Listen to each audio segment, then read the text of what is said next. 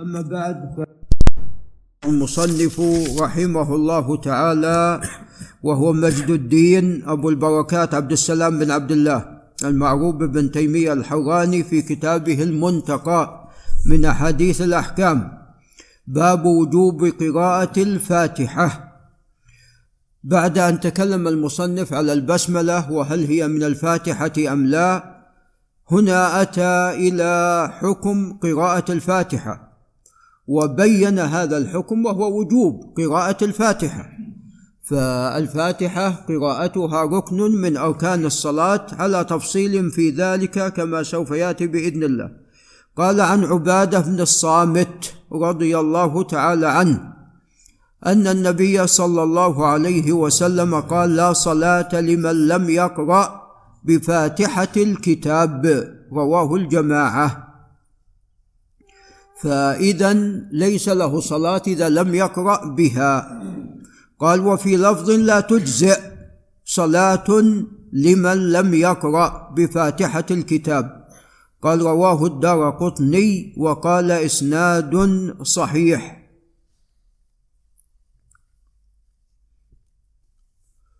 نعم.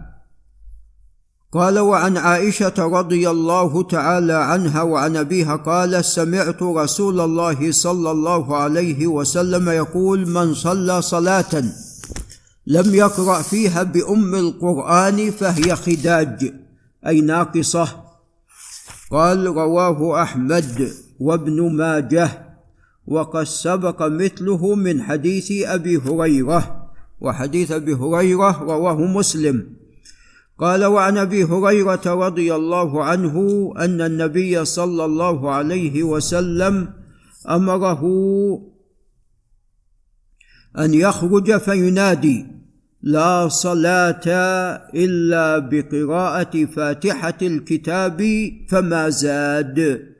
رواه أحمد وأبو داود.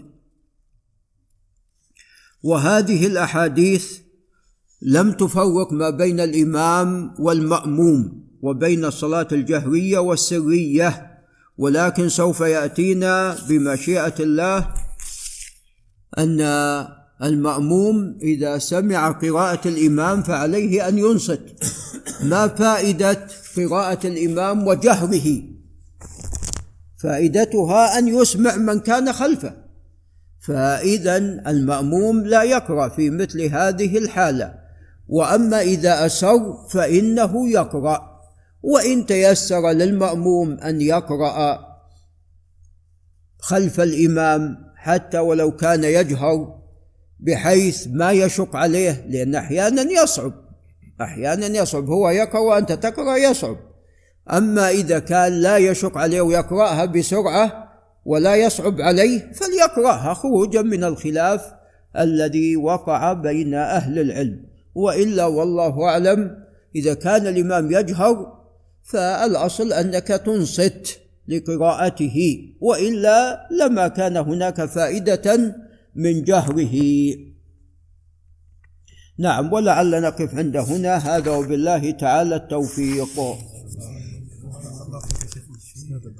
الرسول لا تنازعوني نعم. لو قرأت مع كذا بنزع الإمام. نعم لكن أنت أن تيسر هذا قيل في غير الفاتحة. يعني لهم كلام مطول. إن تيسر لك بسرعة فبها ونعمت وإلا الأصل أنصت.